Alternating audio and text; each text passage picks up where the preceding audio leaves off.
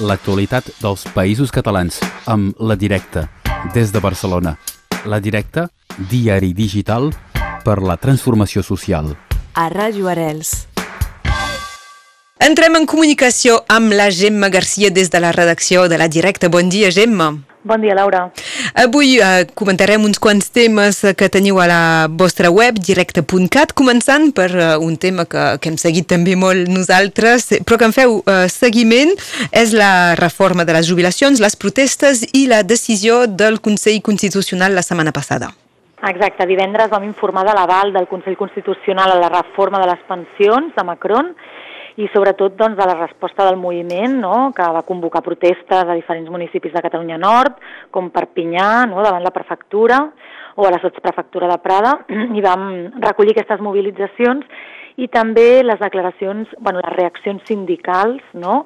De persones del sindicat Sud Educació 66 o de la CGT que insisteixen fortament en, en que no rendeixen, no? que malgrat aquesta decisió continuaran lluitant i també recollíem una mesura, una mesura que va prendre el Ministeri Interior en francès, que va arribar a prohibir mitjançant decret les manifestacions davant el Consell Constitucional durant hores, no? una mesura molt contundent no? davant d'aquestes fortes mobilitzacions i aquesta crisi no? que està generant que s'està generant arran d'aquesta reforma de les pensions i que de fet ja hem vist que posteriorment ha intervingut Macron no, el dilluns, eh, diguéssim, per calmar d'alguna forma els ànims. Per tant, des de la directa anirem fent seguiment en perspectiva des de, des de Catalunya Nord d'aquesta resposta i d'aquesta mobilització contra aquesta reforma. També ens vols parlar d'un vídeo que es pot veure a la, a la vostra web i que mm, és en relació amb una agressió de cinc policies locals a, a Cornellà, a prop de Barcelona. Exacte, hem publicat aquesta setmana un vídeo i, i un reportatge que explica l'agressió que va patir un noi de 20 anys només, originari de, del Marroc, quan feia un trajecte nocturn entre dues, dos, dos locals d'oci nocturn. Em, li va aparèixer una furgoneta, com bé deies, de policia local de Cornellà, em, en el marc d'una identificació em denuncien per perfil racial, van començar a colpejar-lo, el noi denuncia que el van colpejar tan fort que va perdre una, una dent, Eh, a més, li van proferir eh, comentaris racistes com moro de merda i afortunadament el noi va poder gravar amb el mòbil l'inici d'aquests cops, no, d'aquesta agressió, i de fet ell pregunta, en el vídeo se sent com pregunta per què em pagueu, per què em pagueu, no? i de fet els agents li volen prendre el mòbil perquè no pugui continuar aquest enregistrament.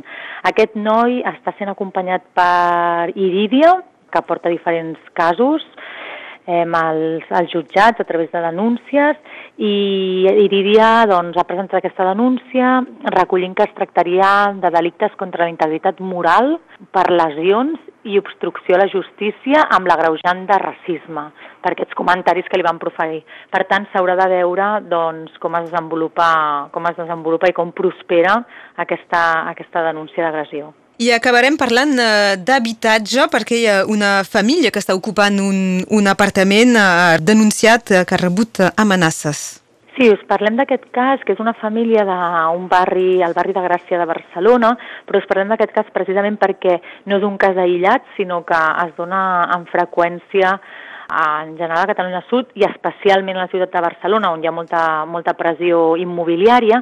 Aquest és el cas d'una família, efectivament, eh, amb una nena, amb una filla de menor d'edat, de 13 anys, que estan ocupant un pis a Barcelona, que a més, degut a la seva situació administrativa irregular, que estan sense papers, no poden, no hi ha manera que, puguin, que els hi puguin fer un contracte de lloguer, per tant s'han vist abocats a ocupar aquest pis, i des del 27 de març passat, aquesta família està rebent assetjament i coaccions per part d'una empresa empresa de desallotjaments extrajudicials que es diu Antiocupa Tarraco.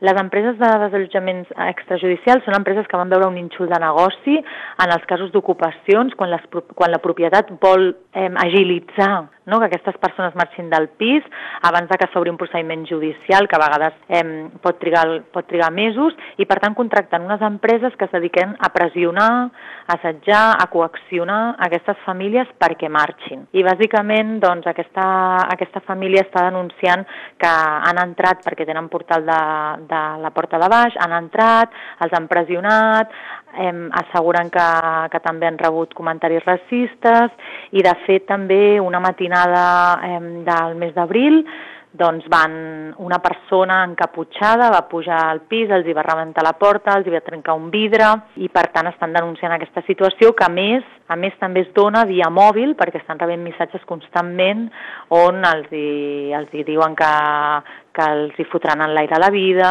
i els van amenaçant. I això s'ha denunciat davant de Mossos d'Esquadra amb el suport del Sindicat d'Habitatge de Gràcia. D'aquests i de molts altres temes eh, podeu seguir informant-vos a través de la directa. Avui eh, n'hem parlat i hem destacat aquest, eh, aquestes tres temàtiques en companyia de la Gemma Garcia. Moltes gràcies, Gemma. A vosaltres, Laura. Que vagi bé. Adéu, bon dia. Adéu. L'actualitat dels països catalans amb La Directa, des de Barcelona. La Directa, diari digital per la transformació social. A Ràdio Arels.